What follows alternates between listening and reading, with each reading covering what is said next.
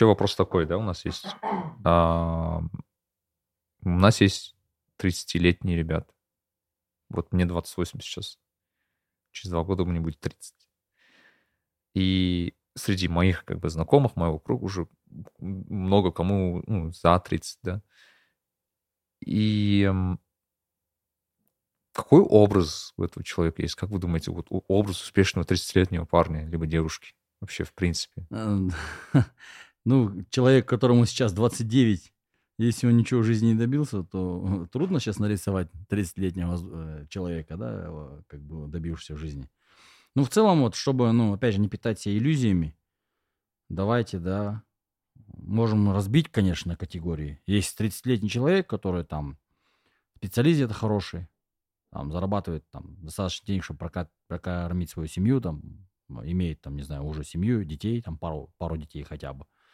Ну, если, ну, как бы в моем понимании, если человек, скажем, возьмется хотя бы в 25 за себя, да, вот конкретно 25, до 30 у него 5 лет есть, да, грубо говоря. Ну, опять же таки, 30 это не пик. Я думаю, что примерно 40 это пик. То есть даже если вот 35 до 40 есть свой... То есть у каждого возраста свои есть там прекрасные стороны, да, скажем. Есть свои слабые стороны, есть свои сильные стороны, опять-таки. 25-летний человек, он бесшабашный бывает, все еще в голове ветер. Как бы если он не женат, тем более ветер. Вот. А в 30 он уже такой более собранный, более-менее. А к 35 он как бы уже должен быть серьезным, да, там, специалистом кем-то. А в 40 он должен уже быть, там, не знаю, управленцем, да, желательно. Или, или, или если не хочет управлять, он просто очень хорошим, дорогим специалистом может быть. Сейчас вот вернемся к образу 30-летнего, да, человека. То есть человек, если он до 25 лет определился, кем он, в какой сфере он хочет работать и кем работать, то у него, грубо говоря, есть 5 лет до 30, да. Если он раньше определился, еще лучше, в 21, в 20, там, вообще это круто. То есть студент, он, если он пошел учиться на специальность, на которую там нравится эта профессия, да, он в 21 уже вышел там с университета с дипломом, 9 лет у него есть, да, целых, целых 9 лет, это огромный период времени. Даже год-два это очень серьезный такой временной задел, да. Вот. То есть до 25 лет человек должен определиться с профессией. Потом, что он должен делать потом? Он должен, первое, пахать, как конь, просто пахать. То есть если он там в перемешку с развлечениями хочет, отдохнул, там, поиграл что-то, погулял где-то, то, естественно, у него рост не будет быстрым. Он должен просто как конь пахать. Пахать и пахать. Работать. Ну, конечно, это не значит вручную пахать. Но если он там, э, не знаю, аналитик там какой-нибудь, он должен читать много. Если он там финансист, он должен считать много. Если он там инженер, он должен тоже читать, ездить, смотреть. Анализ делать тоже, там, какие там, не знаю, это химия, физика, всего этого. То есть он должен опять учиться, читать, да, литературу, специальную литературу, литературу по саморазвитию. Опять работать, учиться, работать, опять повышать свой уровень мастерства. Если он, э, ну, ну, не знаю, какую профессию возьмем, да, да любую, вот, если даже айтишник, да, он же где-то может у кого-то спросить, да, как это сделать, как то сделать. Вот, какие-то там мастер-классы посещать, э, кого-то слушать из гуру, да, кто в этом шарит реально. Э, опять какую-то литературу читать все время э, тратить на повышение своей квалификации, как человек, как личности и как специалист. Очень нужно сильно и быстро избавиться от своих вредных там а, ну, пустых, скажем так, занятий. Ну, обычно это что у нас? Компьютерные игры, какое-то пустое слоняние по улицам, да, э, просматривание очень большого количества фильмов, сериалов. Я там понимаю, в неделю там один-два фильма посмотреть. Я даже думаю, что одного достаточно. Да. Месяц четыре. Но некоторые люди прям каждый день смотрят. Вот когда люди э, не тратят свое время впустую, когда они его направляют в правильное русло, это обычно спорт, это обычно знания, это обычно навыки. Все, спорт, знания, навыки, спорт, знания, навыки. Плюс не забываем про духовность, естественно, что она основа всего. Если человек духовность свою повышает, и вот в этом вот, в этой, в этой, в этой петле находится, да, духовность, скажем так, хорошее окружение, спорт, ну, физнагрузки, а, чтение, навыки. Опять духовность, спорт, чтение, навыки, хорошее окружение. И вот в таком режиме, если 5 лет человек будет там, работать, да, то к 30 он будет профи. Профессионал в определенной области, ему уже будут предлагать руководящие должности, железобетон, он даже через 2-3 года, если ему 25, он начнется, начнет, возьмется за себя, начнет работать, в 27-28 поступать будет предложением. Это может к бабке не ходить, кто не верит, пускай попробует. Вот.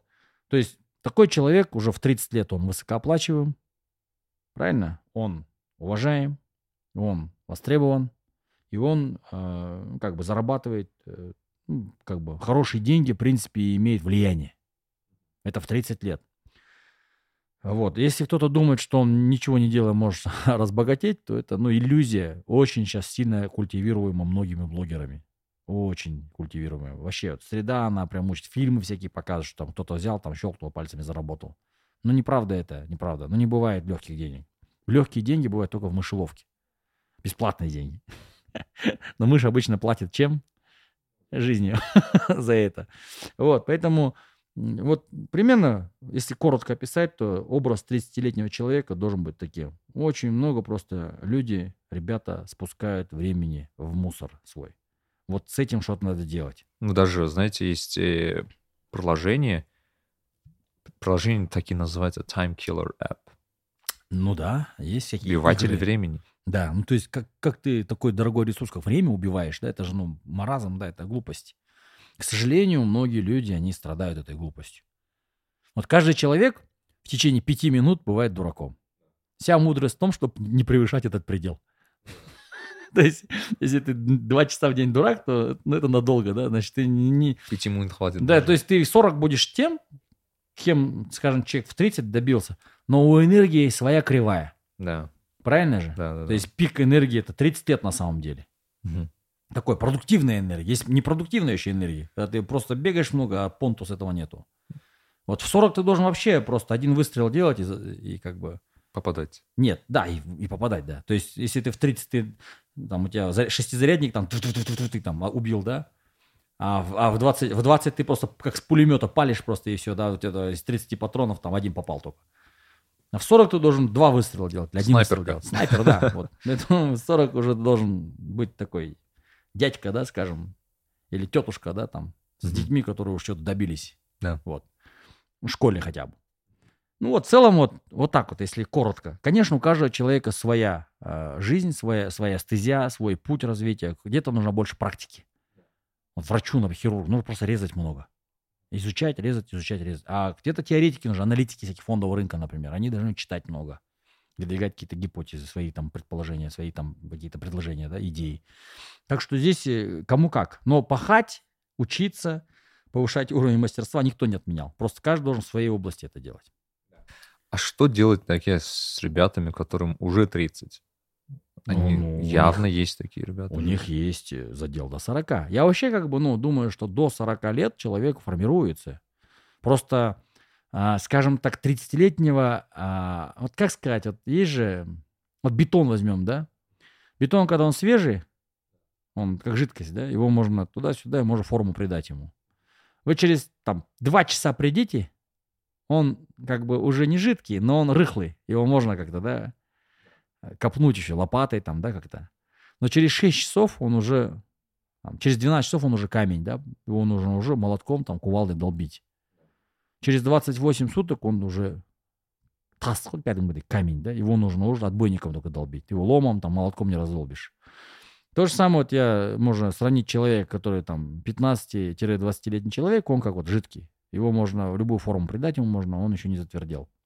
К 30 годам человек уже вот тот самый 12-часовой бетон, который можно там э, как-то копать еще можно, да, но он уже не поддается такой обработке, форму не меняет. В 40 уже человек все формируется. Опять же, я не говорю, что после 40 человек не меняется, но примерно до 40 человек формируется. Как только человеку 40 стукнет, он уже как бы қатып қалады дейді. Все, он, он, он вот, вот, вот, вот в этом состоянии он остальную жизнь проживет, скорее всего. А за небольшими там исключениями людей там неопределенных. Ну, есть люди, которые в 45 там резко поменялись. Ну, мы, опять же, мы не любим, я не люблю говорить об исключениях, я люблю говорить больше об общем, да. Вот. Поэтому 30-летнему человеку, э, если он знает, что делать, опять же таки, та же программа. Работать, работать над собой, работать над своими личными качествами, семье там уделять время, не знаю, там, читать и постоянно повышать свою квалификацию. Чтобы к 40 ты уже был такой агашка, да, скажем.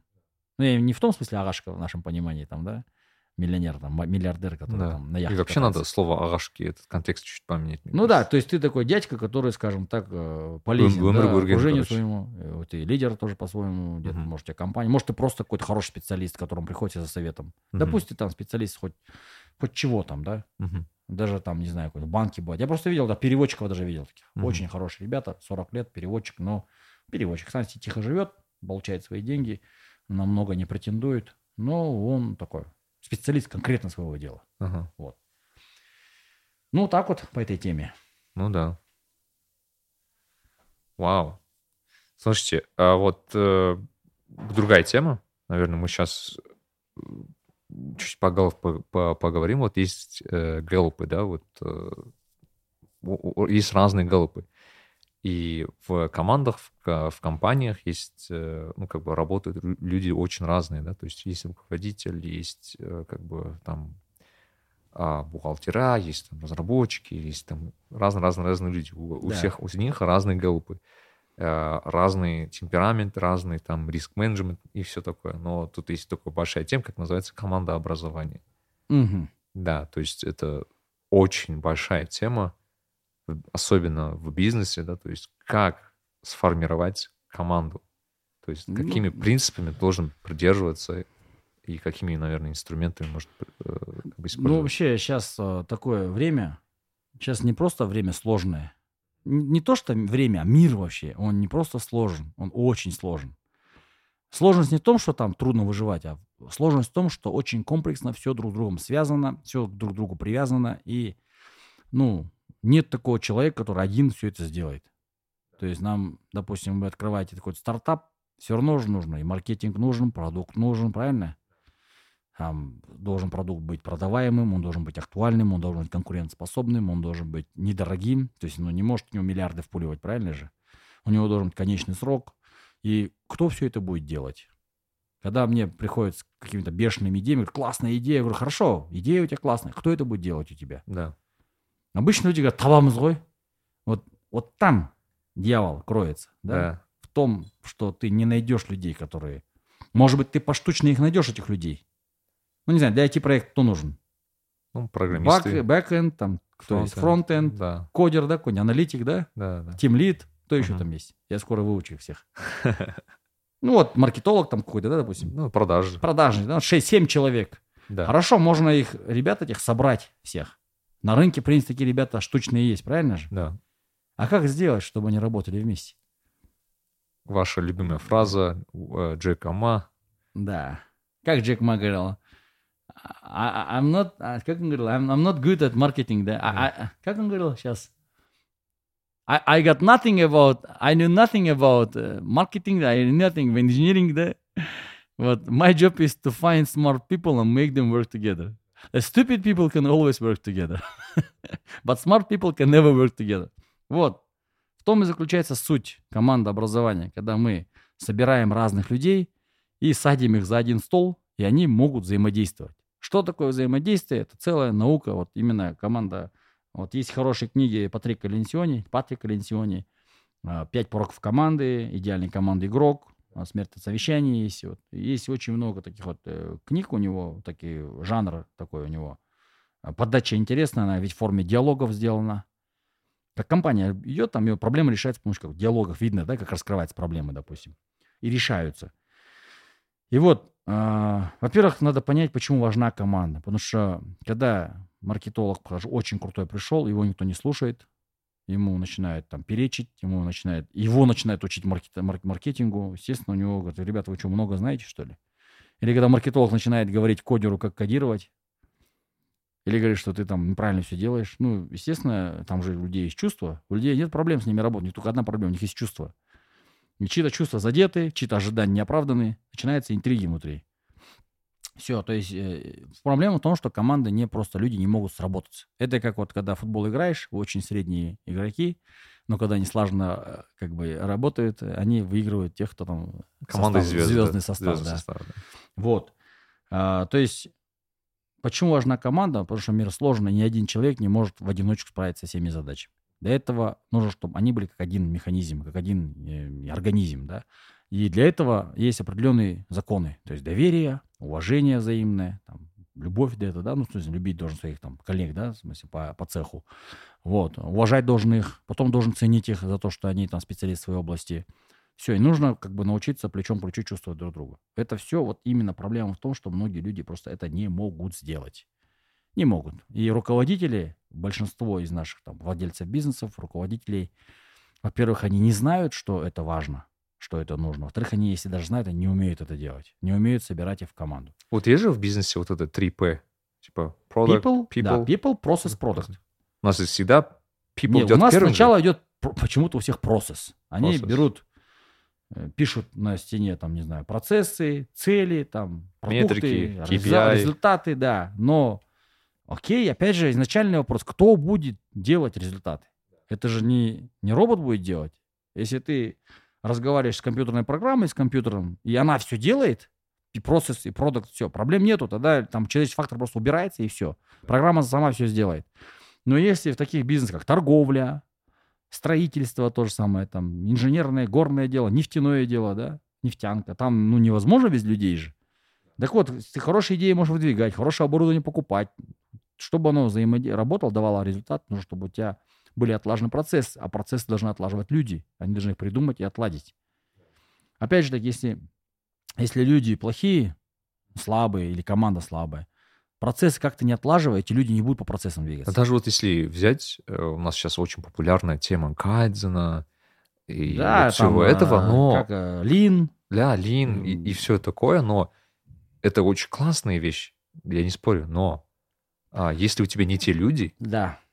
То То есть кайдзен вообще не философия. сработает, да. То есть я должен постоянно улучшаться. Это как максимайзерская тема. Ну, не все люди понимают, что это такое вообще. Почему я должен...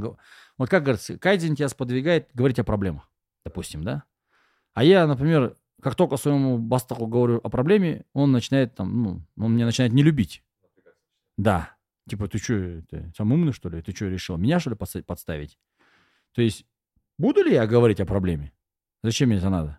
Я могу 50 курсов кайдзена пройти, но я все равно о проблеме говорить не буду, потому что мой руководитель не готов к кайдзену. Правильно же? И вот таких нюансов очень много. Бережливо. про- Почему должен бережливо производство? Мне нафиг это про- производство это нужно бережливое. То есть, если я работаю на каком-то заводе, у нас там ну, пластиковые трубы производим, допустим, у нас там что-то не так сделали, там пластик, ну, там брак, да, вышел, там целую партию труб выкинули на мусор, да, или переплавили их опять. Там опять качество падает, все падает, там время падает, зарплаты-то идут, время идет, а у тебя, допустим, партия товара не готова. Ну, условно, да. Почему я должен там бережливым производством страдать, если я там рабочий какой-нибудь, или бригадир, или инженер на этом производстве, это пластиковый труп, если обо мне мое руководство не заботится, например. Если оно мне зарплату постоянно режет, если оно мне там, не знаю, бонусы не дает обещанные, почему я должен переживать за эту компанию? Мне плевать, сколько она денег потеряет, правильно? Я свою зарплату все равно заберу, пойду в суд, я заберу ее. Ну и мне никакого бережливого производства мне не нужно. То есть, опять-таки, мое отношение к компании будет формировать корпоративная культура. То есть то, что компания, как бы, она формируется, это отношения внутри компании.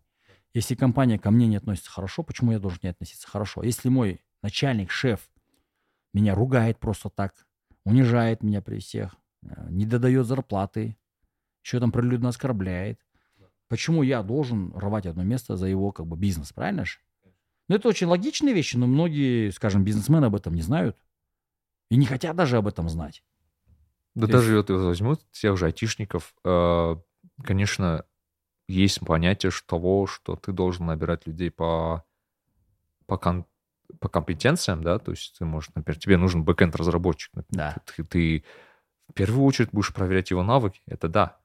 Но Да. есть другой момент, сможешь ли ты с ним сработаться, да, то есть будет ли он конфликтным. Ну да, это целая как бы HR-тема. Вот HR тоже у нас в Казахстане, да и везде, как бы в мире он очень слабый везде HR. То есть HR-менеджеров, уп- управленцев, HR... Сейчас очень много всяких курсов продается HR, кстати. Но они ни о чем вообще. Я даже скажу больше. Ну, потому что там люди, которые вот HR учат, они, у них самих HR не поставлен. То есть они учат как вот ну, доверие в команде, там уважение. У них самих доверия к команде нет.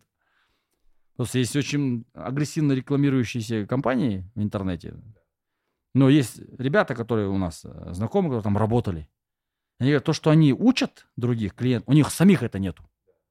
То есть у них руководитель тиран, например. Хотя он говорит, что нужно там, гармонию, да, с, с сотрудниками выстраивать. Мне еще кажется, что у нас очень сильно путают рекрутеров с HR. И это другая тема. То есть рекрутер, это вот мы сейчас разрабатываем профессию, у нас, я сейчас могу открыть даже, да, Э, у нас сейчас разработано около 200 профессий на сегодняшний день. Вот, это вот. И вот открываем, да, восьмая папка у нас, Human Resources, да, 20, 20 человек у нас. Вот.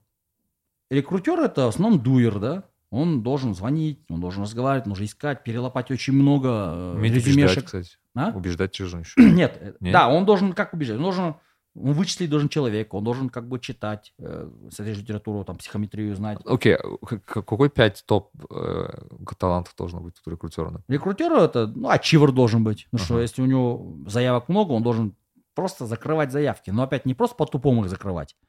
Второе, individualization. Он должен разбираться в людях. То есть, кого он берет на работу, да?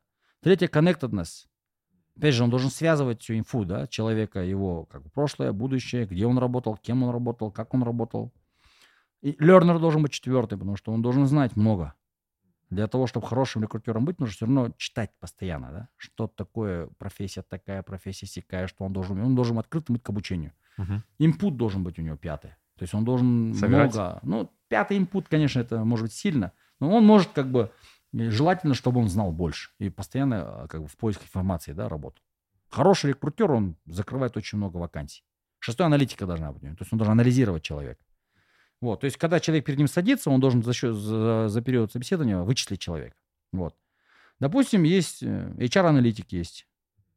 Это вот он э, больше анализирует там, почему люди уходят, почему текучка, что надо, что может бонусы маленькие, он информацию собирает, он ее перерабатывает, где-то идет общается, где-то у кого-то просит там данные какие-то, да. Он вводит картину, почему, допустим, э, с людьми там проблемы у нас. Это аналитик делает. Ну, первая аналитика, максимайзер, connectedness, learner там, да, и arranger, допустим. Есть такие люди, как вот headhunter, да, вот. Headhunter думает, что это сайт. Это специалист, который, скажем так, охотится за крупной рыбой. То есть за... Да, если рекрутер набирает с рынка, то HeadHunter, он уже где-то сидящий, сид... работающий человек хочет переманить. Причем топ-менеджера. У него первое individualization, потом strategic, learner, uh, relator и uh, пятое максимайзер тоже. То есть он должен так спокойно, взвешенно, шестой рейнджер, запланированно выстрел делать, как снайпер, да? Убедить должен человека прийти в нашу компанию. Вот. Есть профессии будущего. Вот там, ну, как бы work from home координатор появился. Что-то ковида мы все видели, да, что многие да, на удаленке да, работали. А кто будет этим людьми проверять, работают, не работают они вообще, мотивировать их, чтобы они не демотивировались, потому что они дома весь день сидят. Это тяжело. Тяжело. Ну вот есть такая специальность. Work from home координатор. Да. У него, допустим, первый relator, второй individualization, третий arranger, четвертый responsibility, пятое woo. Ву. А там он должен как бы подбадривать людей, как дела, все хорошо, там ты не заскучал дома да все нормально будет, не переживай, там, да, вот он должен обаянием, как после разговора с ним тебе даже хорошо стать. Вот это вот человек, который координирует. Ну, вот есть adaptation HR менеджер по адаптации, да, есть retraining менеджер, это менеджер, вот, который по пере, пере, переквалификации. Он приходит в большую компанию и говорит, слушай, ты не там сидишь. Тебе же не нравится не давай, может, тебя перекинем туда. Вот, кстати, мало где променяться, мне кажется. Вот, вот. Если сейчас какие-то, вот я давайте, да, первые 10 я скажу, ретренинг э, менеджер, да, менеджер по переквалификации. Это очень такая востребованная тема уже и будет. Э, первый learner, второй input, он должен много знать, потому что он должен в разные сферы кидаться, да. А третье у него должно быть максимайзер. У него должен все зеленый быть как будто. Ну, вот, вот он, да, картинка вот такая. А, вот. Ага. Ну, вот, learner, input, maximizer, individualization, analytical, connectedness, arranger, uh, empathy, context и intellection. Там strategic плюс developer. То есть этот человек, приходя на э, как бы компанию, организацию, ему говорят, вот люди не работают, не хотят, он общается, он говорит, слушай, а что случилось? Почему тебе не нравится? То-то, то-то. Он берет его там тот же галоп, и говоришь, знаешь что, можете в отдел логистики перекинем, а можете в отдел бухгалтерии перекинем. Ты же любишь вот тишину, бумаги, документы. Да, я люблю документы, не люблю людей. Давайте перекинь, жите в этом отделе сидеть. Вот этот человек, он может просто ротировать людей внутри компании, которые давно работают, может, но они будут более счастливы. В этом спрос уже есть. То есть, если сейчас какие-то молодые люди вот с таким вот Gallup ом, а, которым интересно с людьми работать, возьмутся за эту тему, начнут про retraining, про переквалификацию, про вообще профессии что-то узнавать, research свой такой делать, не надо этому в университете даже учиться. У них, у кого learner input сильный, им даже университет не нужен. Они сами как, у них самообразование очень высокий уровень. Так вот, он через три года может подать просто заявку тот же Booking, если он английский знает. Сказать, I'm an, I'm an retraining manager, so I can do that. Да? How you gonna do that? Он сядет и расскажет, как он три года потратил на то, чтобы самообра- за счет самообразования, где-то он может HR в это время работать. Вот. Все, я думаю, что западные компании тоже и, и нуждаются в таких людях. Мгм. Правильно? Или не Да. нуждаются? Мне, да, кажется. Есть high potential HR manager. Вот. Есть working environment architect, такая профессия. Архитектор рабочей среды. Вау. Вот он создает так- условия хорошие, чтобы там вот всем хорошо было. Кресла удобные, допустим. Это эргономика, да, называется. Кресла, освещение хорошее. М. То есть человек, чтобы когда работал, Создает максимально атмосферу. эффективный был. Атмосферу еще создает. Атмосферу создает, да, там может какие-то картинки, может какие цветы посадят. Я не знаю. Это вот это целая профессия. Есть консультант по байасам. Вот в больших компаниях это тоже нужно. Да, есть такая профессия, специалист по предрассудкам. То есть это будет расти необходимо. Есть такой job market эксперт, человек, который разбирается на рынке, какой специалист дорого, ну, дешево, дорого стоит. Допустим, сколько сегодня стоит, допустим, аналитик, да, вот по IT там проекта, допустим. Сколько стоит сегодня? Ну, допустим, миллион тенге, да? Вот э, я выдаю объявление и говорю, 800 тысяч даю на про работу там такого-то аналитика. А job market эксперт, он скажет, ребята, вы за такую сумму такого человека не найдете. Или найдете, он, ну, он не будет аналитиком. Он такой будет весьма там такой, да, человек э, слабенький. Да? Да. Вот. А хорошего хотите, миллион двести будет стоить. Ну, откуда ты знаешь? А я рынок знаю. Я вот сижу там, сижу здесь, смотрю, разговариваю. я Руку, знаю. держу на пульсе. Да, вот даже вот даже быть специалистом по джоб-маркету, да, э, хотя бы войти, даже в одном районе найти, это уже как бы такой человек востребован. Да, ну трудно найти, да, как бы такого человека. знаете. Вот кто-то же может заниматься этим делом. Вот есть 20 профессий здесь в HR, да, где можно конкретно... Есть well-being директор, даже такая позиция есть. Ну, это не, не компания, где 50 человек работает, а хотя бы там 500 человек. Блин, я сейчас слушаю этот, вот эти все профессии, как будто это супер такие из будущего и, и супер из запада, короче, такое ощущение. А, и- и Если, скажем, компания, в которой даже 100 человек работает, Да. Человек может, он же обычно там и один-два HR на 100 человек. Да. Они могут в себе как бы Ну, собрать объединять. это- да, вот там, в эти- принципе, гала похожи у них. Ну да. Небольшие отличия. То есть человек может и то, и то делать. Вот Ну, если, если человек... Собирательный галп. Да, если он well-being... Ну, у меня, у меня лично, когда вот мы сейчас по нашей программе прогнали, у меня well-being директор вышло.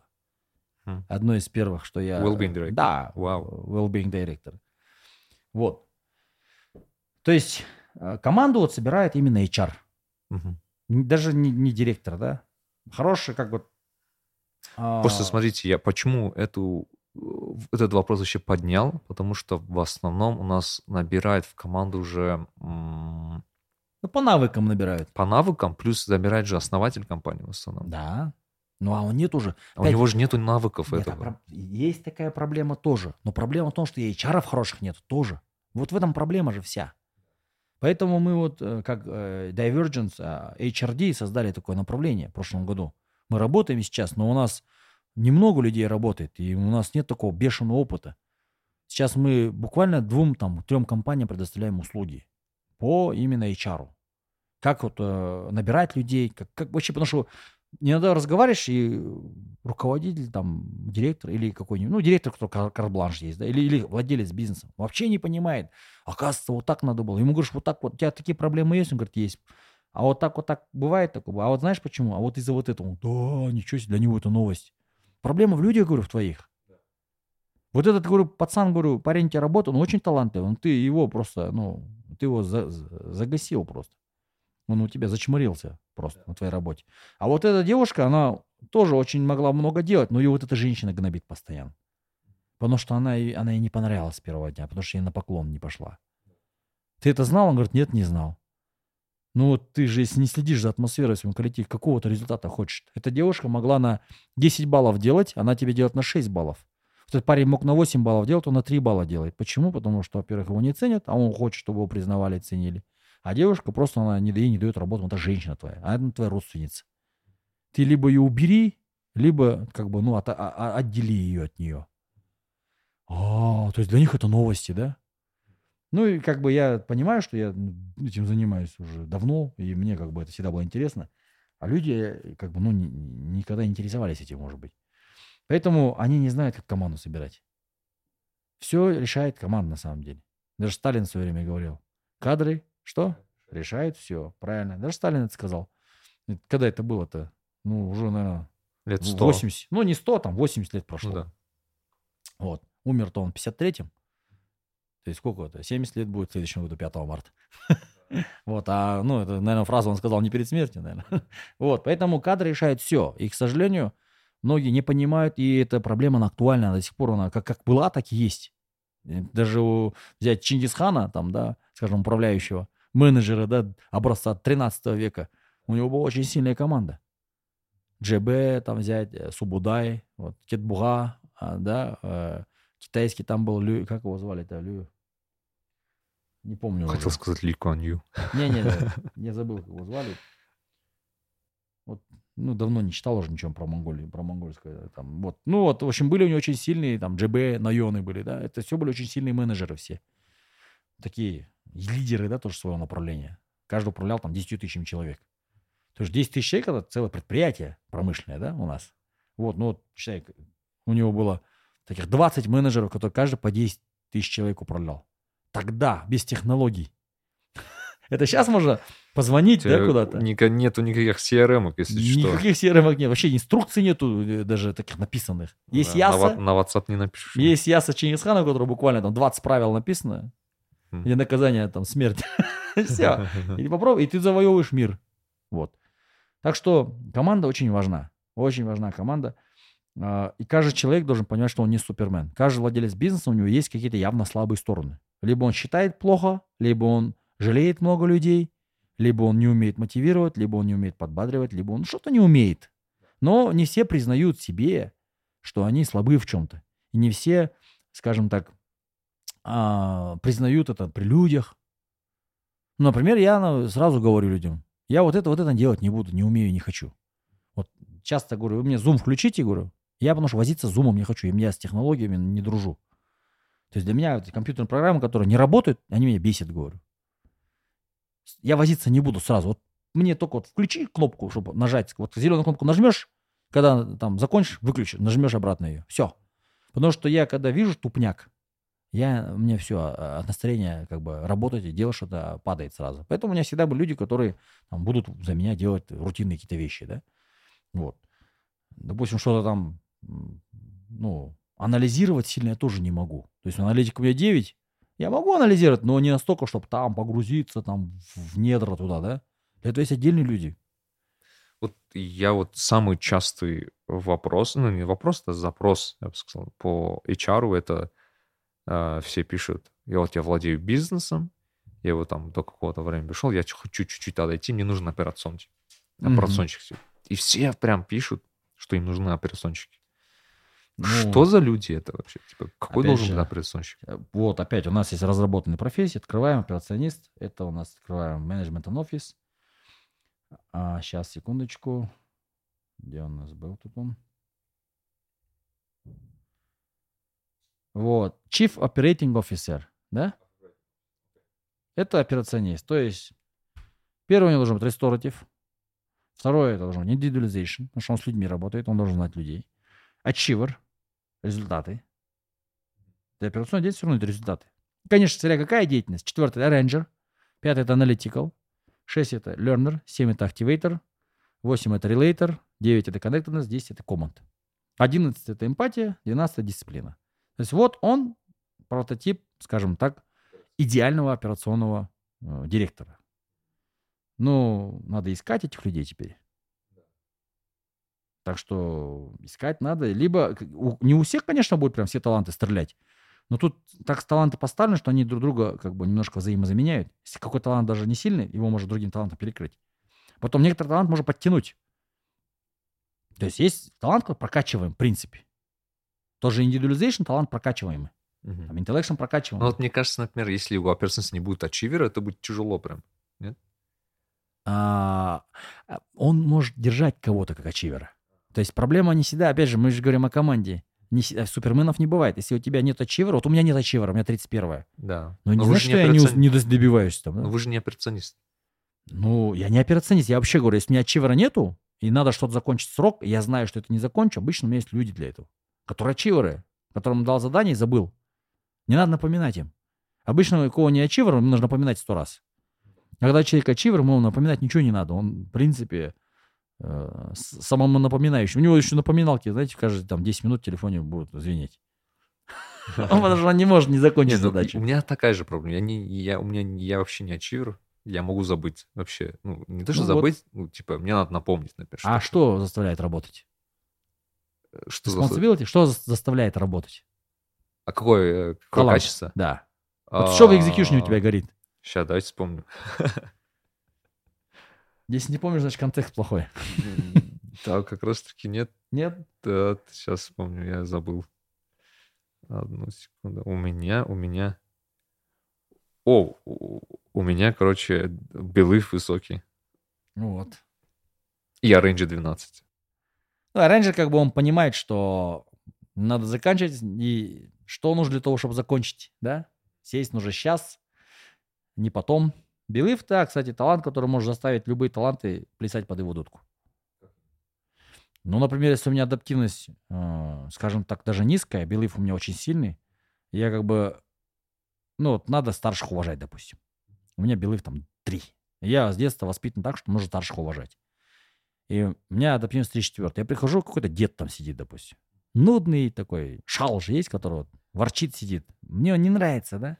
Ну, я белыв ему- высокий, вы Но знаете. я, да, я из-за белыва буду говорить, болды ата, болды, жақсы, степерем, все. Мне это будет не нравиться, но я это все равно пойду на, как бы на, а, на уступку, скажем. Допустим, гармония у тебя там первая, белыв там третья. Ты ужасно не любишь конфликтовать. Ужасно. Ну вот ситуация, где вот принципиально нельзя, да, вот, допустим, тебе в детстве учили, девушек нельзя обижать, допустим. Надо защищать. И вот ты видишь где-то на улице там или в компании где-нибудь, там парень какой-нибудь начинает девушке что-то такие грубые слова говорить. Ты ужасно не любишь конфликта, да? Но ты скажешь, «Э, у него вот брат, да? Что случилось? Что ты до нее докопался? А, Белив свое возьмет. Белив любой талант может заставить гнуться. Вот такой талант очень сильный. Что убеждения, они сидят в основе всего. Вот как ценности, да? Это же Это ценности. же, имеется в виду, белыв это же про ценности такое Да, это, ну, это убеждение. Но Да. убеждение они есть ценности. Да. Вот. Это синоним практически. Мгм. Вот. Если вернуться к теме командообразования, то это целый процесс. И э, любой руководитель, любой владелец там, определенного там, бизнеса, он должен в первую очередь на самом деле этим заниматься. Не процессами. Должен заниматься прода- как бы, не продажами, не процессами, там, не чем-то еще. А должен заниматься именно командой.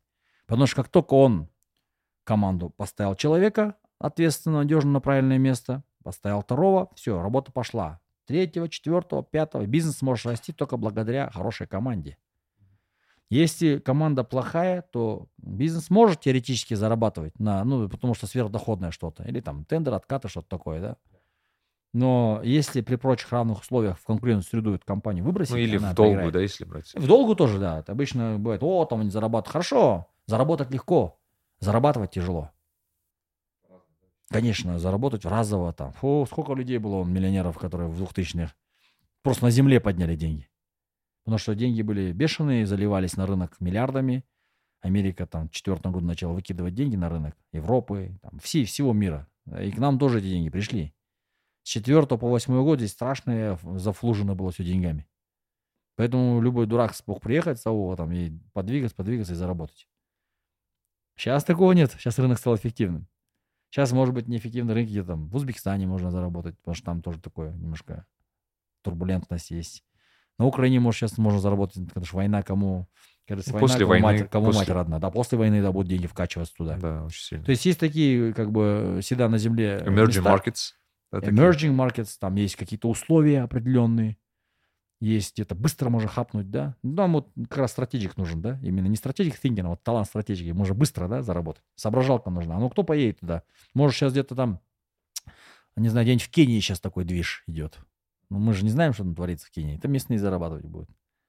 Вот турки, которые приехали в 2000-х, они многие деньги подняли и уехали. Кто в Россию приехали, турки в 90-х годах. Очень много поднялись. Есть компании, такие как Ренессанс, например, да, они поднялись именно в России. Потому что там просто была маржа бешеная, 50%. Вот.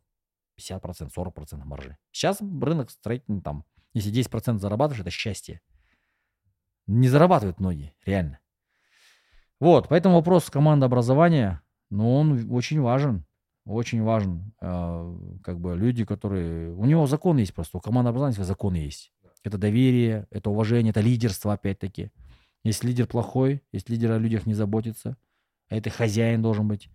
Бывает, что хозяин слишком заботливый, но результата не требует или не умеет его слишком... Вот когда relationship building сильный, responsibility плюс relationship building, если объединить, то он такой результат не просит, всех жалеет, под всех подстраивается, всех жалко там, готов им там отдавать последнее. Но люди-то не все благодарны бывают. Некоторые просто паразиты, они считают, что там все должны уже. Да, они могут считать, что я же работаю, почему мне дает, пускай дает. А как только компания садится в галошу, да, в лужу, они встают и уходят просто. Так вот, ты же этих людей набрал же. Никто же не привел за руку тебе их.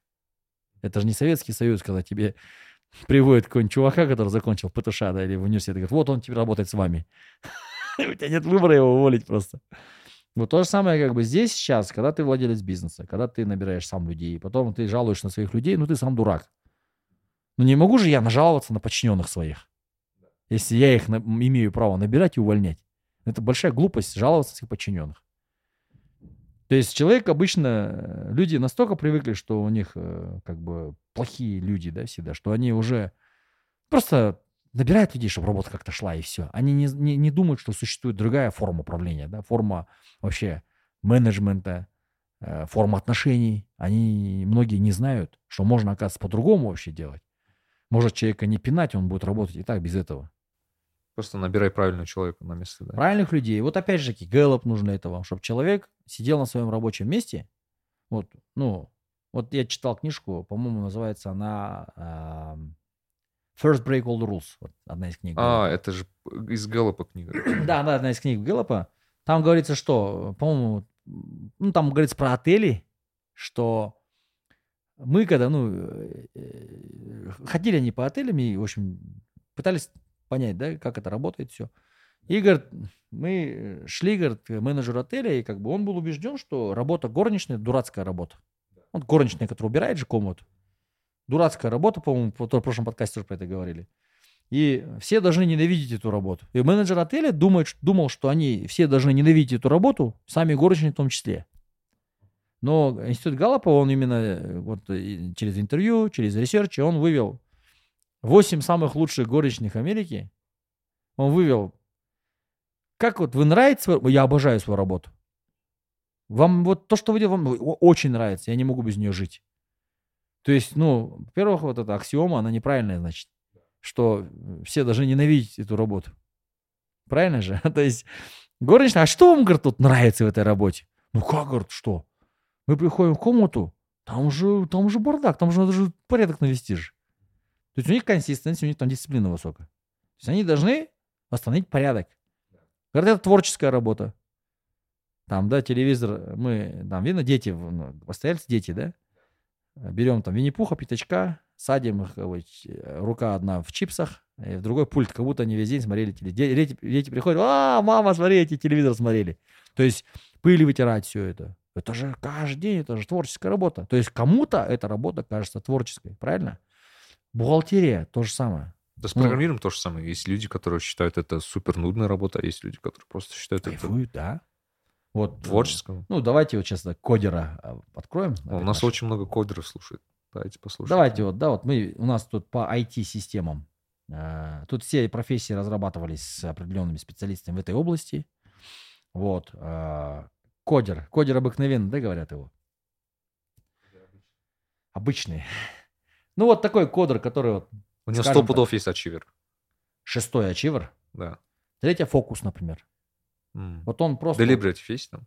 30 угу. Зачем ему deliberative? А, не deliberative. Вот это. Restorative. restorative. Есть четвертый restorative. Вот, он должен просто вот сесть и вот... Аналитика второе. Он должен все время анализировать, что не так в коде, да? Он же код должен же анализировать. У него learner должен быть. То есть что, он что первый у него? Learner. А learner? Он должен постоянно как бы ну, как бы, это же большая тема же, это целая наука же. Там же есть всегда чему учиться. Чтобы он, как специалист рос, он постоянно должен что-то читать, учиться. Вот. Аналитика, фокус, стратегик должен быть у него. Потому что там нужно сообразить, это можно же короче сделать все, быстрее сделать и эффективнее. Вот. Ачивер, естественно, input.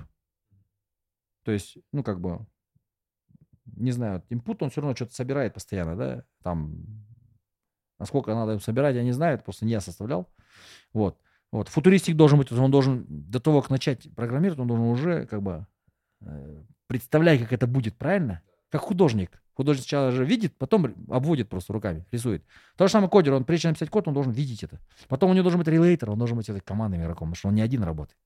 Он должен чувствовать плечо, да, скажем, своего коллеги там других смежных там областей, front-end, back-end, там прочее.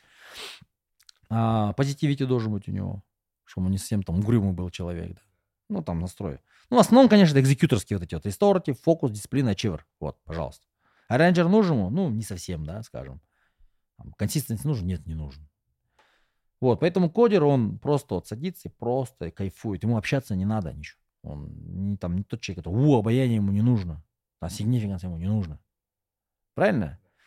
Вот. Э, и вот если человек подобран под свои там таланты, он, естественно, будет с удовольствием эту работу делать. Вот это любой руководитель должен знать. Может, кто-то сидит бухгалтером, а он, ну, или она не бухгалтер, вообще продави, продажист. Она любит общаться, там, да, обаять кого-то, там, что-то говорить, все влюбляются. Ты не там сидишь вообще. Это про меня сейчас. Ну вот, да. Вот. Я тоже, для меня работа бухгалтера тупая работа. Ну, бухгалтер есть, который прям кайфует. Я еще не понимал. Ну, до Гэллопа, конечно, не... Сейчас я понимаю прекрасно, что бухгалтер тоже хорошая работа. Просто не для меня. Вот. И я не понимал, как можно вот сидеть в этой комнате, блин, с компьютером весь день. Документы, там, не знаю. И, и, и там что-то ищешь, да, в программе. Какие-то там... Потому что у меня ресторатив слабый. Я, я не хочу возиться. А кто-то любит возиться и, и вот находить там проблему, да, в бухгалтерии. Вот, поэтому э, настоящий там, да, вот э, командообразователь тоже, там, владелец бизнеса, он должен понимать, что люди разные есть. Причем иногда человеку может чуть меньше платить, но он с удовольствием будет делать свою работу. Кстати, вот это, вот это надо обсудить, то, что некоторые владельцы бизнеса думают, что главная мотивация для многих это Бонус. день- деньги, Да. материальные какие-то вещи. Но есть исследование, я просто не помню, где это именно было, что считается, что мотива- материальная мотивация это самая, ну, некачественная мотивация, Да. потому что а, если ему предложат чуть больше, он просто-запросто Уйдет. уйдет. Вот. Потом есть такое, мы доверие можем купить. То есть компании могут платить много, но доверия когда нету. Потом нету уважения. Правильно? Допустим, мне платят 500 тысяч тенге. Мне на жизнь хватает, допустим. Мне здесь все уважают, здесь любят, я прихожу на работу, я кайфую, меня все там саке-маке, там, да, по плечу хлопают, чай мне наливают, угощают. Предлагает какой-то мне там чувак за 700 за э, работу. Я иду к нему, перехожу, там меня не уважают, там никто мне чай не наливает, где-то меня подкалывают даже, где-то за спиной мне говорят, что я козел, условно. И я не чувствую себя там в безопасности. Постоянно жду какой-то подвох, да, там. То есть 200 тысяч тенге, как бы, ну, мне 500, в принципе, хватает. То есть 10 тысяч мне погоду особо не делают. То есть где я буду работать? Каждый день приходить в стрессовое место? Или каждый день приходить в место, где меня будут просто ценить, да? Где у меня ментальной энергии будет больше? В первом месте рабочем или на втором? Поэтому люди, они выбирают именно вот второе. Social well-being, да, это называется, вот когда э, окружающие люди, они доброжелательны. Есть же люди, я просто знаю таких людей, которые специально согласились на работу, на меньшую зарплату, но в которой они Да. чувствуют, а, а, ну, типа, Ну, вот эти вещи есть. Доверие, Доверие, уважение, уважение, ценить, да, коллектив, есть. хороший Ну, это босс. гормоны счастья. Мы же про это тоже говорили, да, окситоцин, серотонин. Мгм. Если есть серотонин и окситоцин, это гормоны счастья. Прихожу я на рабочее место, мне уже улыбаются, И встречаются. что удивительно, да, вот что я еще заметил, то что люди, когда вот так меняют профессию, вот идут на меньшую зарплату, вроде как на меньшую зарплату, но очень через какой-то короткий промежуток времени они уже начнут гораздо больше зарабатывать тупо из-за того, что Да, они ментальная на, свой, они на своем месте просто. Это ментальная энергия. Говорю же, человек, который как бы светится весь, и человек, который угрюмый, да? Какие, какой человек больше-то привлекателен? Да? Конечно, первый. Вот. И если я прихожу, меня как бы в компании встречают все, радуются моей, моему там присутствию, да, все меня там уважают, то у меня гормоны счастья вырабатываются. Я тоже такой же им плачу этим же самым. Мы создаем от- такую хорошую корпоративную культуру, э, атмосферу приятную. Там, где нет зависти, там, где нет подстав, там, где нет там желания подсидеть, да, на его кресло сесть, там, прочее, прочее, понты вот эти многие, да, там, интриги какие-то, где э, нету этого ничего, там среда очень хорошая, все хотят там работать. Вот команда образования как раз-таки одна из э, тем это создавать такую среду, корпоративную культуру называется она. Вот, поэтому нужно многим бизнесменам заморочиться на эту тему, если не хотят вообще бизнес нарастить. Если вот копнуть историю всех вот э, корпораций, которые да, начинались, ну, Pixar взять, да, вот книга «Перезагрузка», хорошая книга.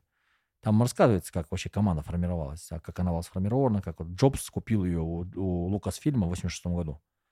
В 95-м осенью вышел этот мультфильм, ну, фильм эмоционный первый, э, «История игрушек». Очень там такой был. Просто революция была это, да, в области кинематографии. И они большие деньги подняли. Но как команда формировалась там, вот, про это тоже говорится. А, Как Walmart поднимался, как я создал Walmart, есть книга э, Сэма Уолтона. Сэма Уолтона тоже просто вот он человек, который реально там за своих людей потел. Платил им бонусы, сам мотался, активный человек был. 60 40-х, по-моему, они открыли еще магазин. В 86 году он был самый богатый человек Америки. Сэм Уолтон. Вот. Ну, Уоррен Баффета вообще это, это какой-то секрет есть там. С Уорреном Баффетом работают люди по 40 лет. Там же есть какой-то его партнер, я помню, который там... Чарли всю, Мангер. Который всю жизнь, да, почти с ним? Да, вот они, да, от него никто не уходит. Сколько? 90, да, лет? Сколько там? Чарли Мангеру уже 99. Баффету 92. Они до сих пор работают. Сто лет человеку. Нет, я прикол в том, что вот есть люди, которые работают в Berkshire Hathaway. Ну как, Berkshire Hathaway скупает же компании разные, там около тысячи компаний, наверное. И вот во главе этих компаний, которые они скупили, стоят те люди, которые еще в 70-х там сидели. Они все мультимиллионеры, эти люди. Им 70, у них имущество 70 миллионов там, да, состояние, то есть 100 миллионов. Пора бы на пенсию уже, но им 70, 80 лет, они не уходят на пенсию. Что же Баффет такое это делает-то, что они не уходят на пенсию? Во-первых, он их обога- обогащает всех. То есть он помогает им стать богатыми. Почему руководитель не хочет э, как бы сделать своих подчиненных богатыми? Вопрос. Это же хороший, кстати, вопрос, да? Конечно. Почему мне сделать пирог больше? Потому что я знаю ребят вот такие, которые, наоборот, хотят съесть Вот. пирог, Своего подчиненного. да, Вот, вот. не то, Пожалуйста. чтобы он заработал. То есть, а если я не забочусь о своем, как раз, подчиненном, то какие, о чем разговор может идти вообще? наоборот, которые пытаются... э, Они, они почему-то думают, вот это очень странная логика для меня лично, они почему-то думают, что если я меньше заплачу, то я больше заработаю. Да я говорю, да наоборот все, типа, если ты больше заплатишь, Ну, это вот незнание, это невежество. Я же говорю, вот человек невежественный. Многие бизнесмены невежественные люди на самом деле. Просто если они открыли компанию, ТОшку, да, и начали там налоговую отчетность сдавать, не значит, что они бизнесмены. То есть они как бы предприниматели, конечно, но такие. Еще такая интересная вещь, что экономическая теория, я недавно читал про это, то есть как работают... Есть такой э, во- во- вопрос, типа, растут сначала зарплаты, а потом растет рынок. Либо начнет, сначала растет рынок, а потом зарплаты. Ну, конечно, рынок сначала растет. Ну вот, все так думают, Мгм. но факт в том, что на практике, чтобы поднять рынок, должен поднять зарплаты. Короче, так- так- такую какую-то... А, такая, да, теория? Да, да, да. Потому Интересно. что, потому что чтобы создать качественный продукт, ты Продукт, должен, да. ты должен Ну, тогда, тогда людей вот взять. та теория, что people process product, она очень правильная. Да, теория. да, да. Вот Сначала people, э, естественно, почему зарплаты должны быть высокими? Потому что когда у человека нету, мы же говорили про financial well-being, если у него необходим минимум для жизни, если он не покрывает, человек страдает, он не может просто продуктивным быть, он не может креативным быть, он не может предлагать решения, он не будет упахиваться. Что он думает о том, как выжить, да? Завтра садик ребенку смогу оплатить или не смогу? Завтра жену, жене смогу там купить сапоги не смогу зимой новые? У нее старые уже дырявые, например. Поэтому человек не может просто тупо вот не может да, думать о работе. Но когда у него достаточно много зарплаты хорошие, он уже в другом совершенно режиме работает. Ну да, тогда это очень логичная теория. Сначала зарплата поднимается, потом рынок поднимается. Конечно, если люди там не транжирят эти деньги. Вот. Ну вот, А Вот. получается, смотрите, вот, вот представим, есть руководитель, он, он пытается там залезть в бизнес, э, он хочет собрать хорошую команду. То есть он, а, должен, наверное, смотреть на их галопы, если он в них шарит, да, или там хотя бы их спрашивать. Мгм. А, ну, потому что мы должны ставить на свои места, да, людей Да. просто в идеале. Просто я вот знаю одного друга, вот здесь рядом работает, это мои два друга, а у них там стартап свой, и у них очень хороший тандем. Мгм. Очень хороший тандем. С одной стороны, потому что я смотрел их галопы. А, Один жесткий... То есть в компаниях в IT есть э, два, две роли обязательные. Есть хаслер, есть хакер. Хаслер — это такой общительный продажист, со всеми такие на близкие связи, такой улыбаешься, хармони, э, не, не хармони. Ну, да, relationship building у него. Да, у него шпилинг очень высокий, он ву, communication, вот это все у него, influencing, relationship очень высокий. Есть хакер, ровно наоборот. Он такой ачивер, пахарь, И мозг. да, аналитик. Да, да. Вот то это есть всё, у то него по, по галопу края развиты, Да, а у у него, у него Хаслера середина. середина, да, да. да, да. И у них так, такая работа, и я вижу, как это работает у них. То есть, Это, это есть книга Галлопа, института Галлопа, называется The Power of Two. да, Если ты есть бизнес, хотя бы одного такого возьми, кто твои Полностью минусы прикроет. закроет, да. Да, то есть прикроет то, что у тебя слабо. Вот э, известный бизнесмен у нас есть Асхат Султанов такой. Happy cake. Happy Cake. Да, вот он показывал Галлоп. С женой же, него- да, не делают? У него с женой как раз таки... У них из, из 10, вот как бы, у него 10, у нее 10, Ага. только один талант совпал у них. Они разные. Это И вот классно, он, да? он даже где-то... вот, э, Я помню, он писал постил про это. Писал, да, да, что да, да. типа э, я без жены не поднялся бы. Ну, действительно так. Жена как раз у нее дуэр, там, делибератив, а у него только вперед, там, да, и там, influence, там, strategic, автоматизация, вот это все. То есть они как раз, когда положено, как раз два партнера, да, скажем, которые вот как хаслер и, и, и хакер, да. Да. Ну, как бы роли должны распределяться, правильно. Вот даже иногда, когда предлагают, а, ну, партнериться с каких-то проектах, я, например, на что смотрю? Я всегда смотрю на какой роли человек сам является. Если, например, он тоже хаслер, и я тоже хаслер. Не пойдет, не, Не будет. пойдет Кто будет делать ту часть работы? Да, да, да. Тоже execute, должен, должен быть один хакер. Ну да, да. Вот поэтому говорю, здесь идет такая, скажем, архитектура команды. Вот если там у любого проекта айтишного есть архитектура, также и здесь у команды есть архитектура своя. Кто-то должен в этом разбираться. Поэтому вот в прошлом году мы начали этим заниматься. Ну, просто я-то как бы этим занимаюсь давно уже. Но Галоп мне помогает. Как по своим, где-то свой бизнес. Я там как бы без проблем, я знаю, да, какого человека надо мне. Но я смотрю, там друзья какие-то, да, приходят, говорят, вот у меня такая проблема, я говорю, так вот это неправильно, то неправильно, а как, а что делать? А вот это вот, о, это же трудно, это же, ну, а как ты хотел, говорю. Ну, если ты лучше меня знаешь, как это сделать, ну, делай тогда, без проблем, короче. Да, вот такой разговор у нас короткий проходит. Ну вот э, именно э, сейчас нету этих специалистов. Вот HR, они не командообразователи. Многие HR, которые у нас есть, они, ну, просто HR, там, рекрутеры закрывают вакансии, там, третье, пятое, какой-то там устраивают тренинг, который там типа тренинг. Они даже не знают, как подбирать эти тренинги, там. Ну, это же тоже нужно подбирать. Блин, я еще помню, э, очень много HR делают тренинги, на э, вообще, на самом деле, против тренингов, которые делают HR, на самом, во, во многом, потому что HR просто не знают, на чем делать тренинги. Ну вот, об этом и речь, да. Потому что я сижу, это самая немотивированная аудитория. Вот, и, просто я вот пока вспомнил, я вот э, э, я недавно встретил одну учительницу по английскому. Она говорит, что ну, она в разных там частных, нечастных школах, например, преподает. И говорит, я сам, говорит, не- э, не- я, говорит, ненавижу преподавать в э, компаниях.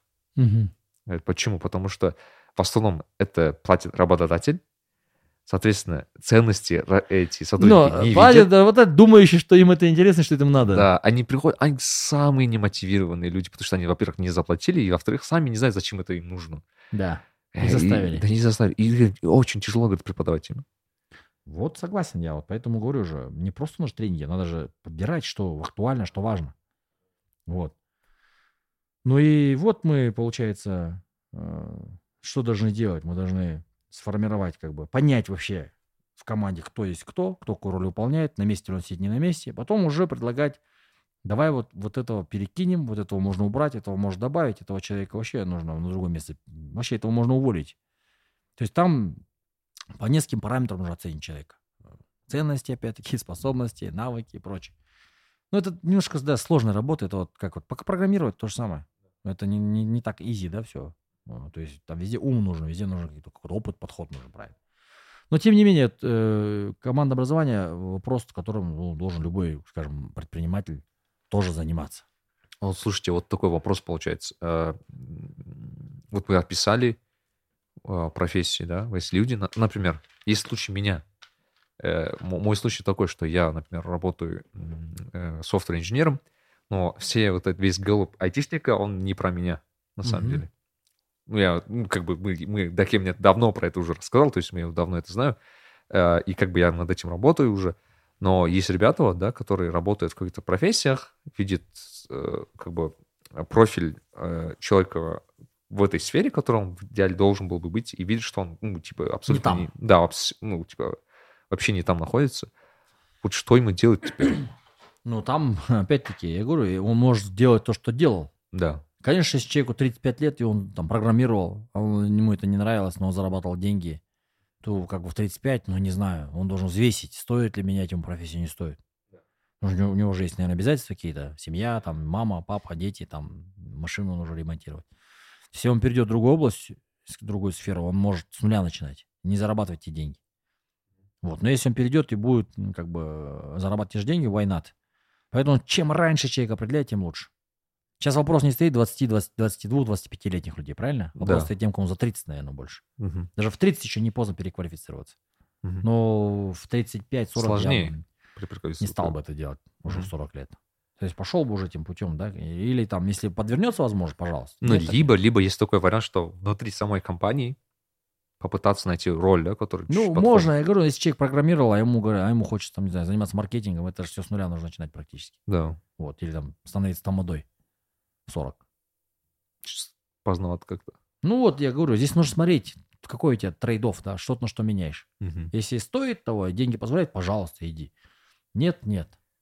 Вот, наверное, вопрос в том, что вы сейчас вот последний раз говорите про financial вот этот э, образование, да, то есть, скажем. Да, финансовая Я просто думаю, финансово, если финансовое, даже, даже если человек там работал, скажем так, не на своей профессии, но заработал деньги и финансово так нормально себе выстроил, и так, чтобы там в 35, грубо говоря, мог бы поменять свою А, профессию, ну да, это другой разговор вообще. а, не влияя на его финансовые показатели, то это вообще, да, то есть, Если человек, да, работал, и он, у него финансовая грамотность хорошая, и он смог накопленные деньги вложить и создать себе пассивный доход, то есть пассивный доход, когда у тебя есть деньги, когда ты можешь год, ну, грубо говоря, ничего не делать, накопленные деньги, либо у тебя есть деньги, которые тебе как бы пассивно, ты ничего не- делаешь, они тебе капают эти деньги, ты на них можешь жить, но ты свободен.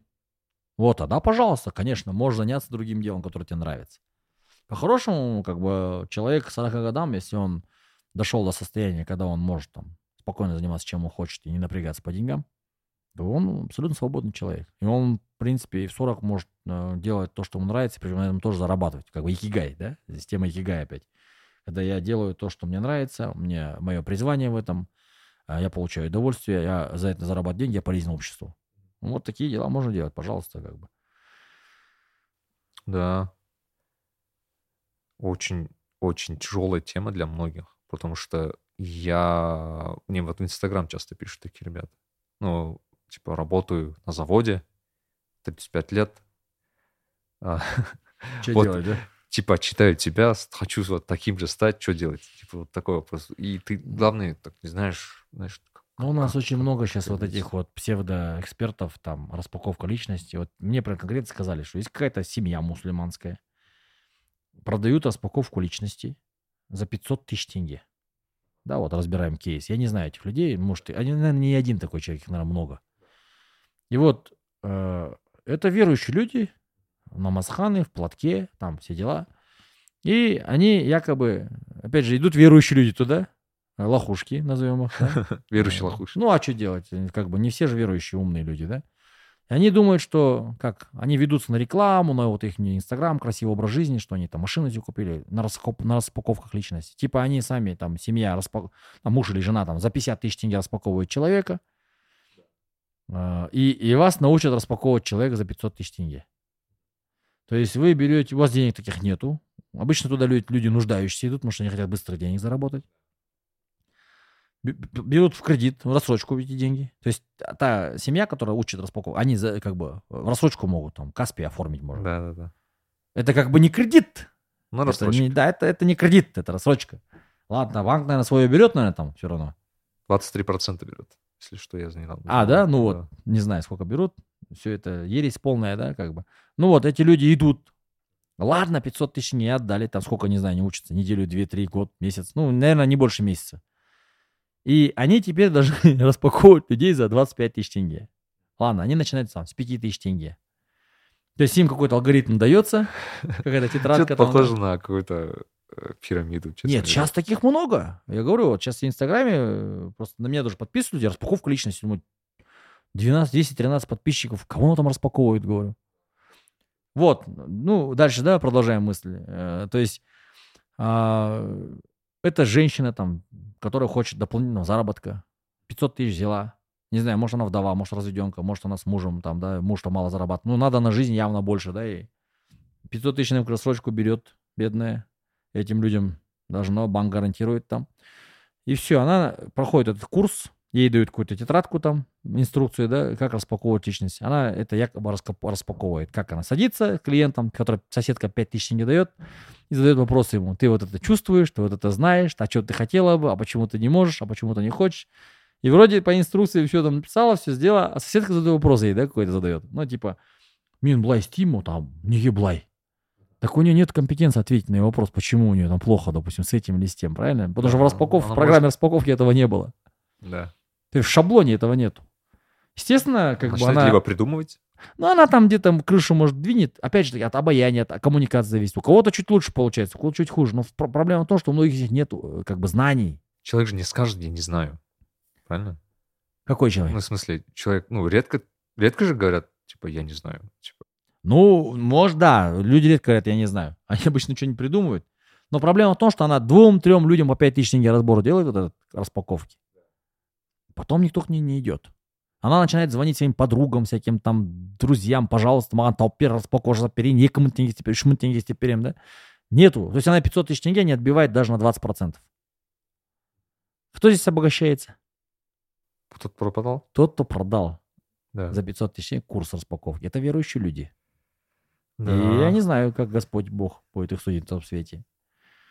Ну, Я это не знаю. инфо-цыганство чистое, да? Ну, конечно, чистой воды инфо-цыганство. То есть, м, э, когда их спрашивают, почему ты делаешь, он говорит, ну, алмайды ғой ақшаны. То есть, как бы она сама же виновата, что он не может Ну, продать себя. Мне кажется, надо чуть-чуть разделить то, что есть реальный, наверное, работающий инфобизнес, наверное. Ну, конечно, виде, есть.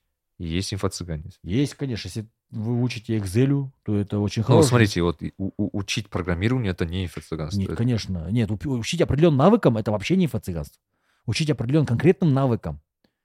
Но учить тому, что я там смог, ты сможешь, там э, деньги, не в деньгах счастье, а в их количестве, там, э, не знаю, там, вставай рано и будешь э, Не, вот что вы думаете, Ну, что вы думаете, вот есть реально, сейчас очень много курсов, вот реально, я только когда приехал, узнал, есть курсы, как избавиться от долгов. Ну, как бы, то есть, это оксюморон, да, такой? Такой То есть ты курс, как бы покупаешь курс, ты еще покупаешь- больше в долги заходишь. Да. А курс про то, как их закрыть. Ну, вот это парадокс того, что, опять же, все это люди, которые зарабатывают на невежестве своих сограждан. На невежестве. И главное, они их не жалеют своих сограждан. И что-то с- самое грамотное, не то, что грамотное, а вот очень для меня странное, то, что они же очень сильно показывают вот этот лухари лайф, Да. то есть майбахи, Да, да, красивая да, да, одежда, там, не знаю, Я же говорю, это просто обувь. пыль в глаза, это маркетинг, это обман людей. Почему я не сильно люблю маркетологов? Потому что там много обмана. Очень много преувеличено всего. У нас закона о рекламе нету. В Японии, когда зубную пасту продают, мы говорили об этом, да, кажется? Там, когда показывают, там не блестящие белые зубы, там пока зубы такие чуть-чуть грязные. Потому что если там будут белые зубы в Японии, спросят, да? а я куплю эту пасту, почищу, буду чистить месяц зубы, если мне они такие не станут, я имею полное право пойти сказать, они меня обманули, Да. У меня зубы что-то не побелели, как в рекламе. Верно. Закон о рекламе там работает. Да, да, да. Вот. А у нас не работает. В Америке, например, тоже инфо-цыганство, но там нету его. Э, Эпоха инфо-цыганства 80-х, наверное, прошла примерно. У нас, видимо, надо переболеть. Вот. да, Конечно, есть. все переболеют, все научатся, как бы потом уже все обожгутся, все поплачут, потеряют деньги, потом уже как бы они образумятся. Мгм. Ну вот. А ну, вообще, бы- что думаете про вот этот EdTech, э, вообще образовательная вот эта сфера? Она будет развиваться теперь? Что такое EdTech? Ну, EdTech Education. имеется в виду education. А, это когда онлайн, да? Да, да, да, онлайн Ну, я думаю, до какой-то степени она будет развиваться. Все-таки Ага. это технологии, много кто в айпадах, там, в айфонах сидит, поэтому... Просто я будет- недавно подумал, э, то, что в основном, когда мы про Казахстан говорим, это же мы говорим про в основном там 2-3 города. В основном. Ну, просто я по себе заметил. Ну, конечно, да, у них у всех А, есть же гаджеты. Там, да, да, и даже вот если чему-то учить, это... Ну, то есть, например, мы хотим... Вот я в Астане был, э, есть такая школа, называется Алем School. Мгм. Ребята учат программированию. Вот бу- буквально. То есть, но, но обучение в оффлайне. А кто-то, по-моему, за границей учился, да? А, Основатель. Ну, это такая зарубежная программа. Э, там это бесплатно, это как бы государство там чуть-чуть помогает им. А, ты приходишь, учишься и так далее, становишься программистом, но интерес в том, что а, она в Астане. То есть ты должен приехать туда. И, и, Ну. и тут проблема, например, если ты из региона, должен переехать в Астану, и вот первая идея, которую они вот хотели бы, они вот хотят открыть это, например, в регионах, Мгм. Но я подумал в тот же момент, что, наверное, онлайн-образование хоть как бы решило это, э, эту вот этот гэп, закрыло. Ну, наверное, да, на регионах все равно нужны же тоже гаджеты, компьютеры, все это нужно. Опять, Ну да. регион это, допустим, города, да? Да, наверное, да, да. не Это аулы. Не, не аулы. Ну, не Ну, знаю. тот же. Ускаман. Да, там я, я, я, кажется, семей. видел рекламу этих э, ребят. э, Да. в этом. Хотят они как бы выходить на периферию, да, на города. Не знаю, я, честно, не сильно сам сторонник вот этого гаджетного а, обучения. Живой человек и живой человек. Но я думаю, что он будет все равно. Э, Вот это образование именно дистанционное, по курсам, каким-то, оно будет жить. Ну, не, не- думаю, оно не 50, даже не 50% будет. Ну, вы бы сами взяли бы, например, курс какой-нибудь, не знаю, ну, то, того же Рэя Я человек э, как бы другой эпохи. Я же говорю, я не, я не могу, вот как э, зумер он спокойно возьмет. Миллениал вряд ли. Мой, я же ранний миллениал. Я на стыке поколения X и Y родился, да, миллениалов. То есть у меня первый миллениал, можно сказать. Что у меня немножко даже от, от X есть что-то. Да, вот стабильность, вот это вот, не такие большие амбиции там, да. Вот. Чуть более консервативный. Да, более консервативный такой, более, более может быть, эгоист- эгоистичный же, может быть. А, вот. Ну, я думаю, процент на 20 только я вот. X, на 80 все-таки я миллениал, потому что у меня ярко проявляется там вот это вот. Сможем. В молодости это проявлялось. Э, Когда себе уже взял, то надо людям теперь дать. Ты не сияқты, вот поделиться с кем-то что-то, да, там им тоже помочь. Мне не все равно там, что будет с моим народом, например, да, как бы вот такое вот больше. А как вы опишете вот это новое поколение? С ними же часто, вот практически сейчас. Это поколение очень инди- индивидуалистов тоже. Они вот хотят... Вот э, если миллениал, как сказать, я вижу, что кто-то в футболке пошел. Ой, я тоже такую хочу. Вот, это вот как бы такой признак миллениала, да? Типа, есть- қай жерім кем, да?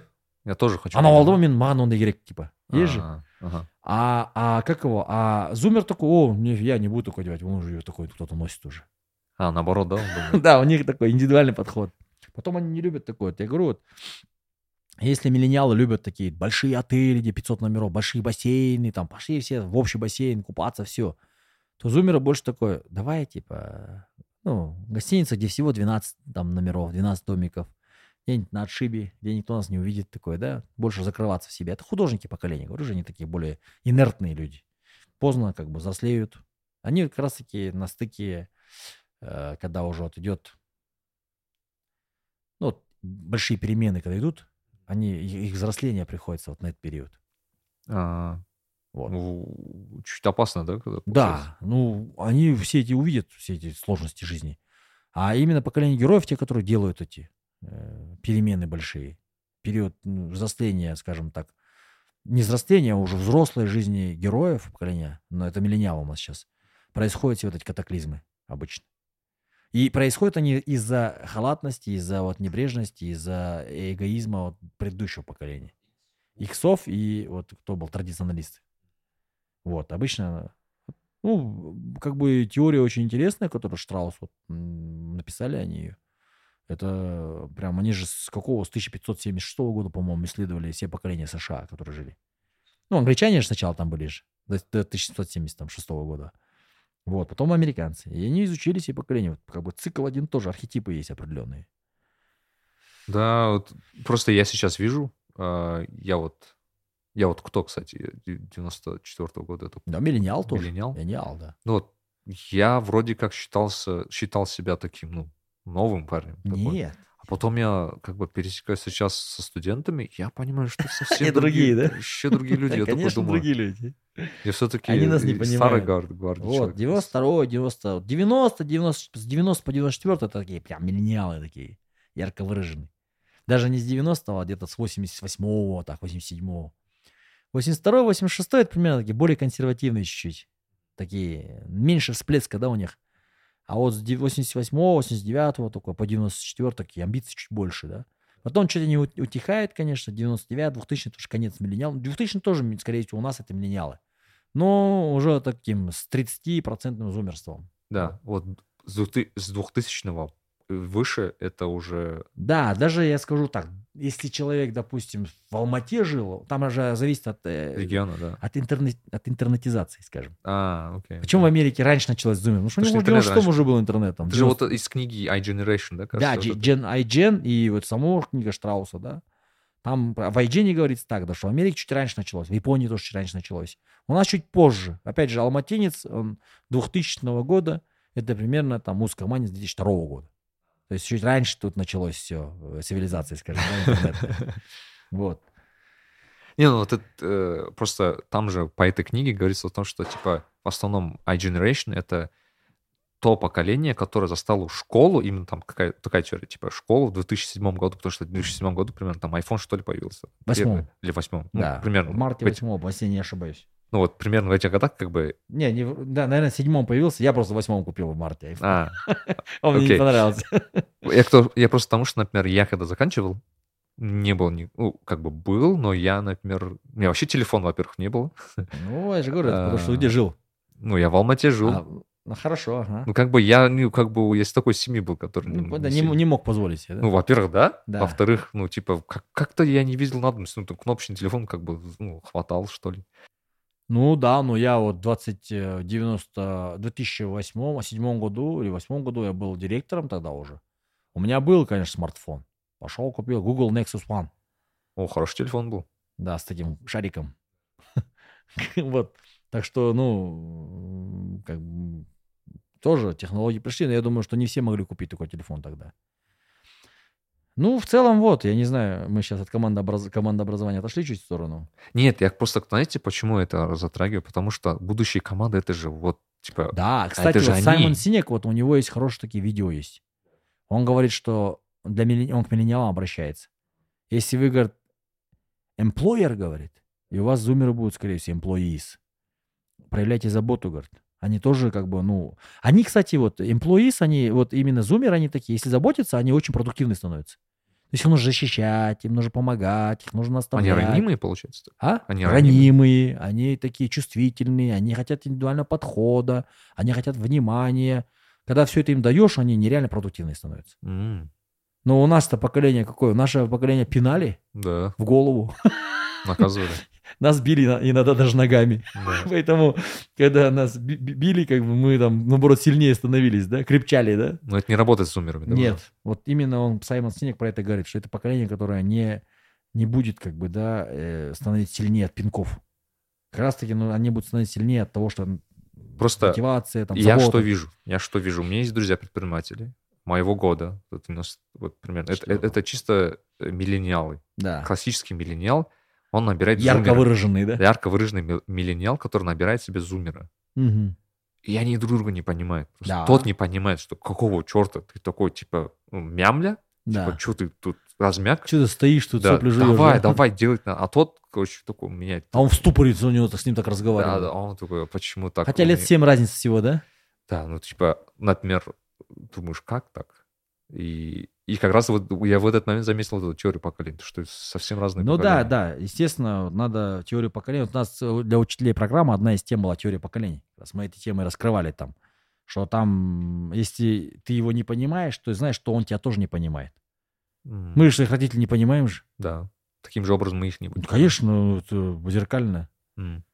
То есть, и Там же еще есть так, по, по Джену, там же есть такая тема, что э, говорится, что, а, если я не ошибаюсь, с- наибольшее количество депрессий у этого поколения. Да, да, Очень, очень подвержены депрессии. да. Я просто до, до, до сих пор помню, я с, с одной с одной девушкой общался, которая где-то там работала, я как-то пересекся, и она такую фразу сказала, помню.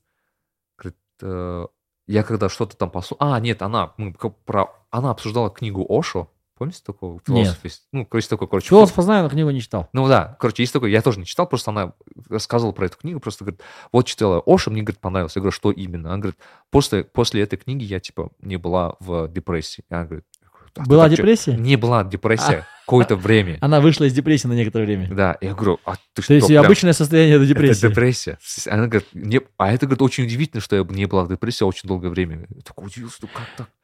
Вот есть целая серия, э, есть такой жанр даже аниме. Про, вот про депрессивных молод- молодых людей. Там вот я как-то включил так случайно. Прям какие-то вот опущенные головы, вот эти вот длинные одежды такие, да, вот подникшие какие-то люди.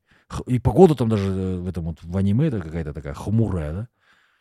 Ты смотришь это, ну, как бы все наше же мышление формируется из того, что мы читаем, смотрим, видим, слушаем, да, вот это все, ощущаем.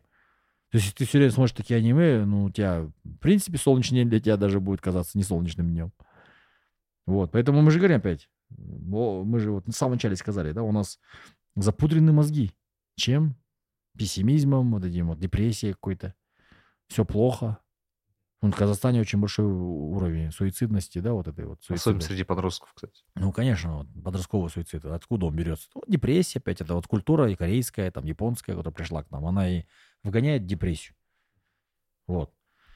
Это удивительно, то, что очень много среди них, ну, верующих ребят же, как раз таки. Я То не есть- думаю, что это, наверное, неверующие, которые кончают жизнь самоубийством. Это, наоборот, Вот. такие, которые... Нет, я говорю про ребят, ну, про депрессию конкретно говорю, о том, что, типа, А, ну, естественно. А вы что думаете, что если они э, как бы верующие? Но это не те, которые практикующие, наверное.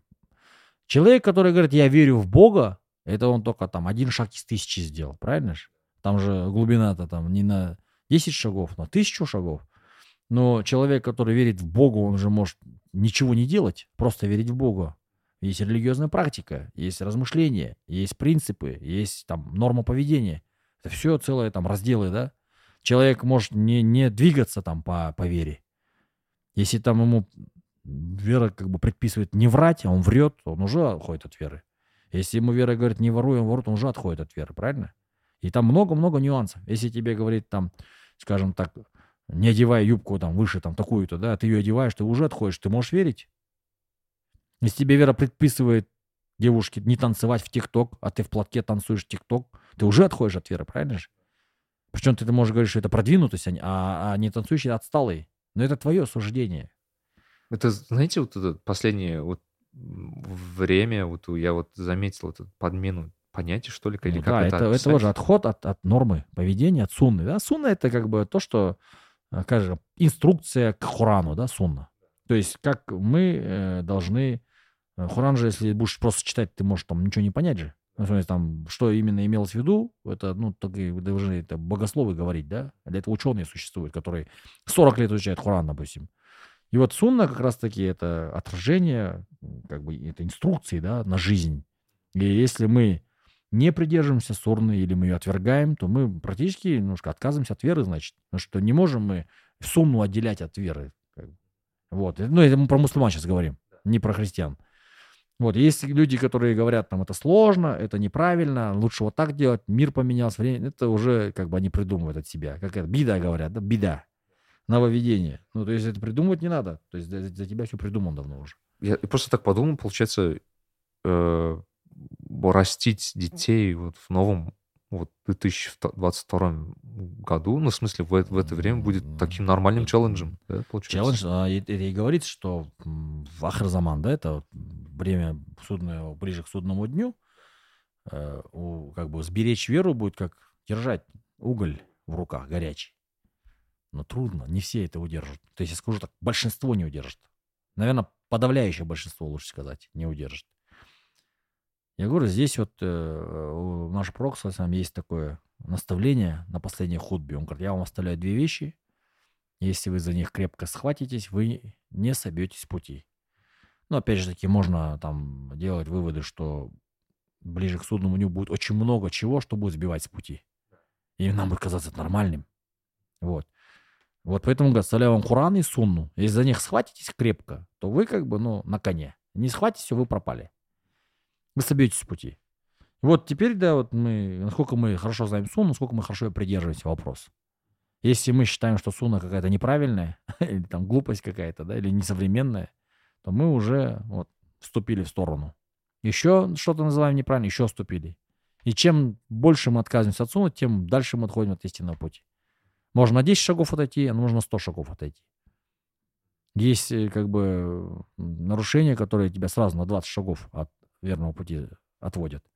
Есть э, нарушения на 2 шага, есть на 100 шагов. Вот как бы здесь нужно смотреть опять, и у каждого отхода от Суны есть свои там степени. Но в целом как бы надо придерживаться этого, чтобы остаться на пути верно. Это прям очень, не знаю, мне кажется, актуальная тема, потому что даже вот среди практикующих мусульман этот вопрос прям очень остро стоит. Да, Потому что и они просто не знают, как воспитывать детей. Потому что они видят, они же дружат с... Ну, они же живут в обществе. Да. Они же видят их. Они тоже хотят быть такими. Говорят, ребята, просто я так подумал, вот мое поколение миллениалов, мы тоже с этим столкнулись на самом-то деле. Просто у нас религии было меньше, на самом деле, на тот ну, момент. когда ваше поколение, скажем так, родилось и начало расти, там, да, э, в 90-х годах особой религии не было в Казахстане. То есть это как бы оно растет, потому что она сейчас в ислам, в принципе, по миру растет везде. То есть количество как бы при, приходящих к вере ка- каждый год растет. Потому что люди все равно стремятся к истине. Но, опять же таки, как бы глубина не у всех такая большая, да? Вот. И да, и поколение 90-х, кто родился, они меньше видели. В принципе, вообще мечети не было, ничего не было. Ни устазов нормальных не было. Первые, кто закончил Алясхар, они вот в 90-х годах в конце только приехали, да? Вот, Алясхар. Вообще сейчас намного больше образованных в исламе, там, ну, религиозной теме знающих Да даже вот больше. сейчас, почему это, кстати, еще интересно, потому что даже э, ребят, которые зашли в, раз- в различные в религиозные течения, Да, э, скажем, радикальные, это в основном мое поколение, что я заметил. Да. Просто да. поколение это миллениалы, 90, опять-таки. Они все миллениалы почти. Да. Это вот возраст как раз 40, ну, между там сейчас 25 и 40, да? Вот. Да, это миллениал. Ну, обычно это как бы, если ты не можешь э, судить. Вот почему в Турции нет салафизма, например, то же самое, течений? Потому что там с детства тебя учат там Ну, вот это, базовым вещам. к- как- в Турции как будто вот эта цепочка не прервалась, да, между поколениями. У нас какой-то пропасть как будто Ну, конечно, у нас же 70 лет коммунизма было. Ну, вот я говорю. То есть нам да. просто выжгли все. То есть мы, выжгли. п- получается, мы заново все устроим сейчас. Да, практически заново. То есть у нас культурный код сохранился, как бы культурный код к вере сохранился через наших предков все равно. Они даже в советское время оқитын, да, как говорится, бисмилля деп тамақ іші, там далаға шық, все такое. Это же как бы на уровне традиции осталось все. Но возрождение легче, чем с нуля строить. Вот. Back to the roots, как говорится. Да, обратно возвращаемся к корням. Сейчас просто и образованных много людей, которые, в принципе, получили хорошее образование, и муфтият как бы работает, в принципе. Ну, говорю, кто хочет найти истину, пусть найдет. А кто не хочет, конечно, кто хочет, ищет способы, кто не хочет, ищет причины. Вот. да. Все, дәке көп жақсы оттық. Көп рахмет. Э, Мне кажется, вот, э, вопрос духовности, он всегда стоял и будет стоять. Однозначно. Однозначно, да. То есть э, просто я в последнее время заметил, куда бы я ни шел, в какие бы круги я бы не сидел, вопрос духовности всегда стоит. Да. даже удивительно среди... э, Для меня удивительно то, что там пять лет назад этот вопрос вообще не должен был, бы- не обсуждался. Сейчас это чуть ли не один Ну, это вопрос. этот, э, номер один. э, опять же, три подъема ислама будет. Мгм. Было два уже, третий вот он будет перед Ахрзаманом. А, Первый это во время самого пророка. Ну, конечно, это первый, это арабский халифат возьмем. Второй да. это Усманская империя. Османская империя, да, Мгм. когда ислам как бы рулил, да, всем миром, можно сказать. И третий нас ждет. Третий будет перед Ахразаманом. Это Мгм. непосредственно перед судным днем. То есть, э, опять же таки, по одним преданиям, говорят, что мой народ не проживет больше 15 столетий после меня. Пророк, вассалям. Я не знаю сейчас, насколько достоверен этот хадис этот. Ну, наверное, все-таки это правда, наверное. Что вот уже мы живем Ахирзаман. Признаков очень много. То есть уже прошло, вот если 610 год взять год пророчества, то 15 столетий на- накру- накрутим сверху. Это примерно 2100 там, такой год, 10 год, да. Опять же, по какому календарю смотреть? Григорианскому или хиджри, да? ладно, ну, не суть, да, вот. Э, И получается, что ислам будет возрождаться, потому что он, все устали от неверия. Все равно духовность, она зовет свое. Человеческие души, они внутри сидят, они все равно просят свое. Вот, и человек даже самый грешный, он все равно внутри понимает, что Бог есть, да? Потому что когда Бог создал людей, души сначала созданы были. Он их посадил, как бы, есть такая, как бы, скажем так, ск- склад, да, э, душ. И там все знают, что создатель Аллах, да, Субхану Таля. И просто а, он им обещал вечную жизнь, как бы. Все. Потом они в тела помещаются. Э, Как говорится, на, на третий месяц там эмбриона, когда беременности, да, душу, душу помещают тогда в тело. Вот он вот с этой, с этой хранилища берется, душа, и засовывается в тело, да, человека. Но когда человек в теле и в дунью приходит в этот мир, он немножко начинает забываться, да, кто он и что он по жизни. И своего создателя забывать. Но он не может полностью забыть, он все равно внутри у него сидит это. И она Да. рано или поздно кричит. Это то, что иногда атеисты, да, говорят. Ну, что-то я верю. да». Да, вот что-то есть, ну, ну, это же не научно не доказано, да, вот типа такого. Может подумать, что наука все объясняет, да, вот. Я как человек, который тоже люблю науку, да, говорю, что наука всегда показана. Сколько я изучал с 15 лет науку, да, вот, биология, физики, на все на Творца указывает. По-любому, да, указано Творца. Ну вот, и поэтому она душа кричит, она ищет. И, сейчас время подъема ислама идет. И следующие 50 лет будет за исламом. Я думаю, где-то 2075, 78 год, 80 год, это будет только пик. Вот. До этого сейчас... Возможно, появятся новые профессии. тот Какие? момент. Ну, например, там связано там может быть. А, ну это однозначно. Типа, Вообще, ну, щас- фиг, фиг он подразделяется там. Фиг брака и развода – целая наука. Фиг наследство – целая наука. Фиг, как, не знаю, бизнес вести – целая наука. Фиг там финансы, вот тоже торговать может трейдить или нельзя. Там деривативный инструмент использовать можно или нельзя. Есть разные ученые, разные мнения. Даже так смотреть, то и финансовые потоки сейчас очень много в арабских странах. Сейчас известно. Ну, я что- говорю, вот э, фиг вот сам по себе, он большая очень сфера, и человек, который разбирается в фике брака и, брака и развода, он вообще может не разбираться в фике финансов. Вообще. То есть это две как бы ра- разные науки практически. Так что потребность, вот кто на богословии учится сейчас, кто учится на фиг, тот смело может какую-то избирать специализацию себе, финансовую, например, и пойти в ней. И там много чего читать нужно, много читать. Арабский надо знать для этого, чтобы труды читать в оригинале, например. Вот, и можно при этом хорошо зарабатывать на этом тоже. Консультировать компании целые, которые захотят в будущем двигаться по, по шариату там, да. Ну, несмотря на то, что мы живем в светском государстве, мы же можем соблюдать для себя шариат, правильно? Вот как, какие проблемы. Это же государство нам не запрещает же, там, допустим, не брать кредит. Я по шариату не могу брать кредит, я имею право его не брать. Как бы по шариату я не беру его. Все, я живу по шариату. Это, Всё. это- это такое совсем другое, да, вот понятие, когда это же то, что случилось с ну, арабами, например, с, с- с детьми, например, саудовских детей в, например, Лондоне. А, ну это вот, Помните, это, когда, да, типа, это, история, ну, это когда- же целая политика. Там, я думаю, там не обошлось без программ целых, спецслужб и программ там, западных стран, которые на крючке держат всех. Я говорю, там, я не знаю, по моему личному мнению, я, конечно, не, не политолог, не эксперт, но там ждут волна протестов. На Арабском полуострове этих странах будут перевороты, скорее всего. Из-за неравноправия. Конечно, ну, обычно всегда, когда идет расслоение, когда идет Ну, там же очень быстро, очень большое расстояние. Ну вот, да, пока еще не дошли до состояния, когда уже вообще там взрывная, да, там волна. Вот когда чуть, наверное, Америка ослабнет, я думаю, когда поддержку военную не смогут оказывать, когда соседи будут напирать сильные, тогда народ и взорвется. Какой-то кризис продовольственный случится, допустим. Они будут переворачиваться их правителей. Ну, Я не знаю, в историю то, то же самое вот Рейдалё пишет, что все это было в истории, будет. Это не, не новая вещь. 200 лет назад так было. Французская революция перевернула там, да, в 1789 не знаю, там, э, китайские восстания везде были, династия, там, Мин, там, Цинь, все эти были тоже в ходе переворотов. В Турции то же самое было, перевороты, да, власть меняется, люди переворачивают. Военные в Турции переворачивали, но где-то народ переворачивает. Революция в, России кто перевернул? Народ перевернул. Так Ну что, как бы... Ждут я- изменения Да, скоро. вот, мне так кажется. что будем смотреть. Да, Нам бы, чтобы у нас спокойно было. да, иншалла Көп рахмет, Даке. Все, Рахмет, Да, да, за всем внимание. слушателям. а, так, это у нас по- специально был в аудио. Такой чисто нашинский подкаст, потому что подкаст у нас в основном сейчас в Ютубе, а этот будет чисто в аудио. Так что тыңдаңыздар, бөлісіңіздер. А, так, дәкең а, инстаграм парақшасына жазылып қойыңыздар.